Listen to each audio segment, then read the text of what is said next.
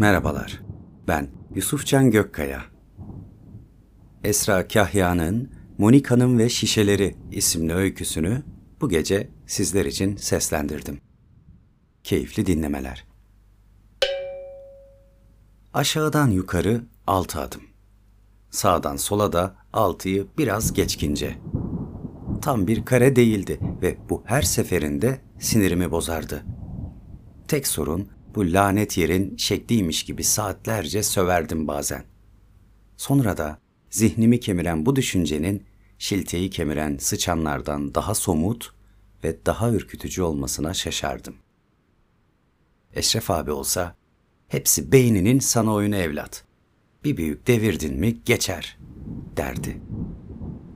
Çamlığın dibinde köpek bağlasan durmaz denecek kadar rezil bir evde yaşardı ve hiç şaşmadan her cumartesi beni içmeye çağırırdı.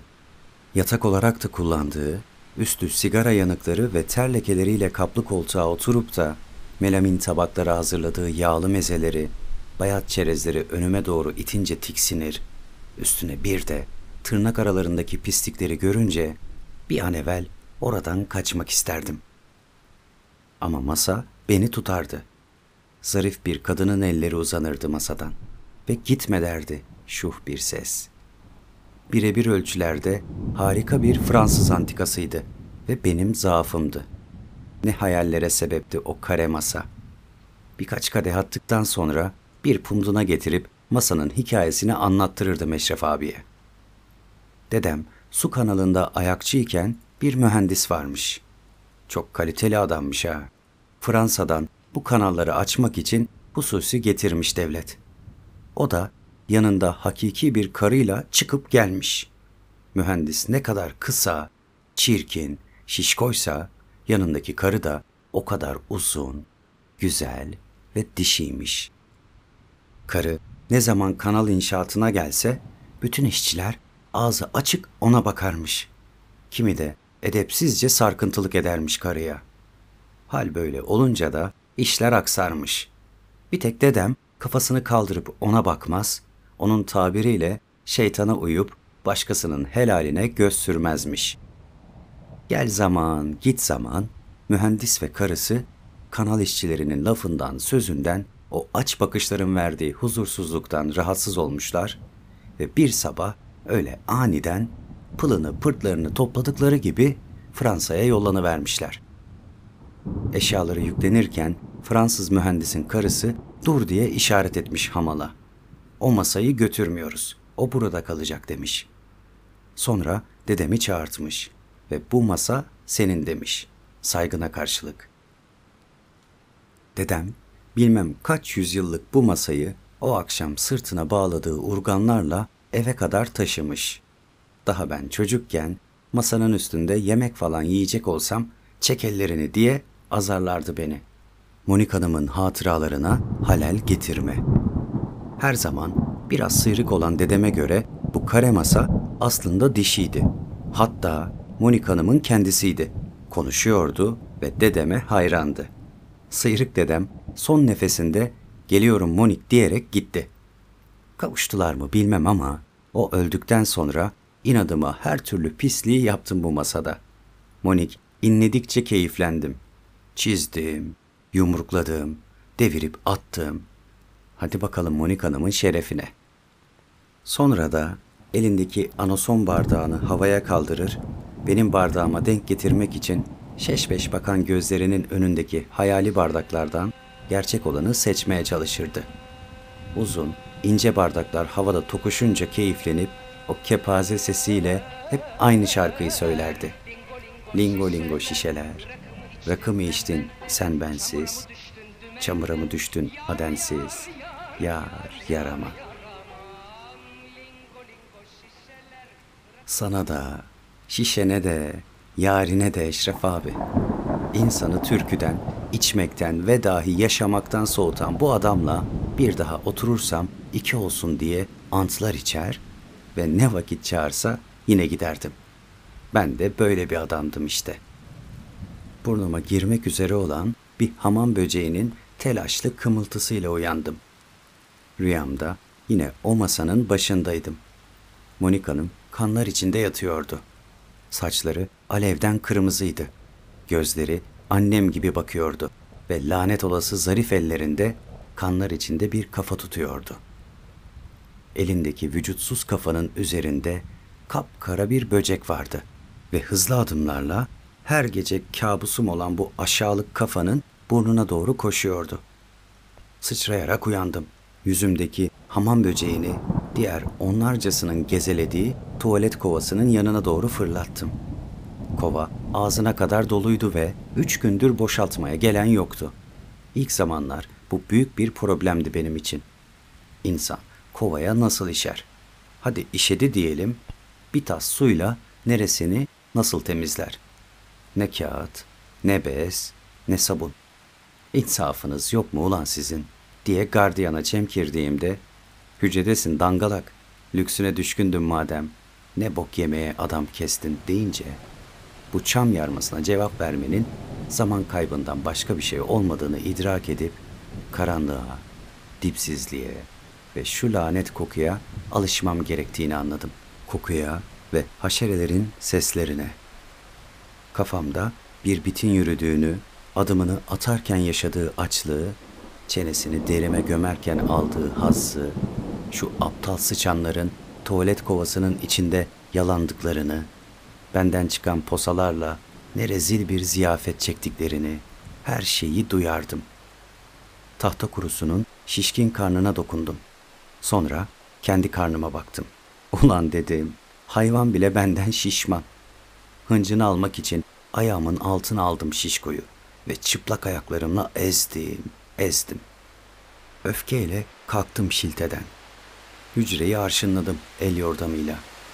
Tamam. Bu taraf altı adım. Lanet olsun. Burası yine altı adımı geçkince. Kare değil işte. O masa kareydi. Ama burası değil. Sinirlenip kendimi şilteye attım. Dışarıdaki tantanaya bakılırsa gelen Muho dedikleri gardiyan. Benden it gibi korkardı.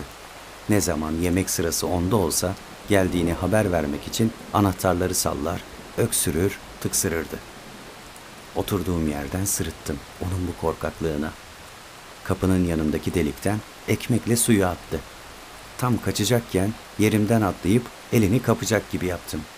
Nasıl sövdü it oldu. Canın cehenneme. Hatta hepsinin. Hepinizin. Annemin de. Eşref'in beni çağırdığı o son akşam gelmem abi dedim. Bu akşam maç var. Sen bak keyfine. Televizyon mu yok lan bizde? Açar, izleriz dedi. Televizyon olmaz mı? Kamyon tekerleği, bahçe musluğu, parktan çaldığı bilmem ne belediyesine ait bank, banyo kazanı ve daha bir yığın eşya orada. Oturduğum saatler boyunca üzerime gelirdi. Beleş rakı yüzünden bunca can sıkıntısına neden katlandığımı, içmenin ayarını kaçırdığım ve baş ağrısından gözümü açamadığım o alem ertelerinde kendime çok sorsam da yanıtım yoktu. O son akşam diyordum. Bu it beni ikna etti yine. Ya da ikna olasım vardı. Dünden razıydım desem daha dürüstçe olacak. Maçın başlamasına yakın koltuğumun altında çerezi bari bayat yemeyeyim, içime sinsin yaptığım iş diye Rıza'dan kaptığım 300 gram karışıkla çaldım bunun kapısını. O yeğenim sen ne zahmet ettin be evde vardı diyerek çekti aldı paketi ve tiksinç bir koku bırakarak içeri girdi. Kalkan midemi elimle tuttum. Islak köpek gibi kokan bu adamla kati suretle rakı makı içmeyecektim. Geri dönüyordum ki içeriden gol çığlıkları geldi. Kokuyu, midemi dönüp gitmek üzere olduğumu unuttum ve koşarak girdim içeri. Aldıklarımı kendi bayat çerezleriyle karıştırıp yine o kokuşmuş melamin tabaklara koymuştu. Yağlı mezeler, çerezler, içi geçmiş kavun ve iki büyük yavaş yavaş tükenirken saat geceyi aşmış, sabaha doğru yola koyulmuştu. Eşref karşımdaki sandalyede ağzından salyalar akıta akıta uyukluyor, gözünü açabildiği anlarda lingo lingo şişeleri andıran garip seslerle bağırıyordu. Benim de ondan farkım yoktu. Onun o hallerine sarhoşluk ve delilik karışımı bir halde gülüyor ve onun yarım kaldığını düşündüğüm yerden şarkıya devam ediyordum. Gözlerim kapalı bir halde şarkı söylerken küt diye bir ses geldi. Eşrefet'in elindeki bardak yere düştü. Kafası da masaya. Sızdı kaldı öylece. Eve gidecek halde değildim. Açıkçası nerede olduğum zerre umurumda değildi. Çok uykum vardı. Beynimin ayık kalan yanları koltuğun kirini, pasını, kokusunu fısıldıyordu bana. Sakın oraya yatma diye bağırıyordu bir ses. Ama yapamıyordum. Kafam küt diye düştü koltuğun kenarındaki çiçekli yastığa. Sonra birden annem koktu. Yemin ediyorum o sarhoş halimle, kapanan zihnim ve gözlerimle iliklerime kadar hissettim. Tanıdım o kokuyu. Hem insan annesinin kokusunu bilmez mi? Ayılır gibi oldum. Kafamın altından yastığı alıp burnuma götürdüm. İşte annem kokuyordu yastık. Hem vallahi hem billahi annem kokuyordu. Yastığın altındaki bu eşarp. Annemin değil miydi bu? Yattığım yerden doğrulduğumda kesinlikle sarhoş falan değildim. Biraz delirmiş olabilirim ama katiyen sarhoş değildim. Burada bir piçlik olmuştu ve karşımda sızıp kalmış olan bu it her şeyi biliyordu. Masadaki her şeyi yere fırlattım. Çıkan sesle irkilir gibi oldu. Kafasını kaldırıp boş gözlerle baktı bana. Ne oluyor lan dedi. Ya da ona benzer bir şey. Elimdeki eşarbı gözüne kadar soktum. Bunun burada ne işi var diye sordum. Anana sor diye sırıttı. İstersen Monika Hanım'a sor. O da biliyor deyince şu cılız cüssemle o iti nasıl kaldırıp da masaya attım bilmiyorum ama Monika Hanım üzerindekinin varlığıyla kıkırdadıkça ben de zevke geldim ve elimdeki kırık rakı şişesiyle Eşref itini bir daha konuşamaz, yürüyemez ve dahi nefes alamaz haline getirene kadar şişeledim. Artık lingo lingo şişeleri söyleyemeyecekti. Monika Hanım'ın ruhuna ve anneme de bir daha asla zarar veremeyecekti. Çerez alırken Rıza'nın dükkanındaki muhabbet geldi aklıma. Kasanın karşısındaki televizyonda bir cinayet haberi vardı. Onu görünce adam kötülük ettiyse geberteceksin Rıza dedim.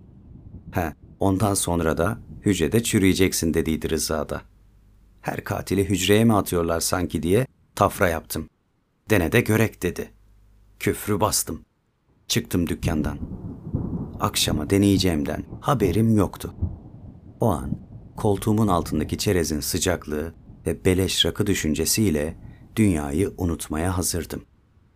Şimdi şu hücrede Rıza'yı görecek olsam derdim ki, kötüleri geberteceksin Rıza. Lakin canice yapmayacaksın bunu.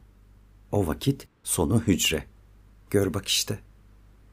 Hücre de öyle korkulacak bir şey değil oğlum. Burada en fazla deli olursun.''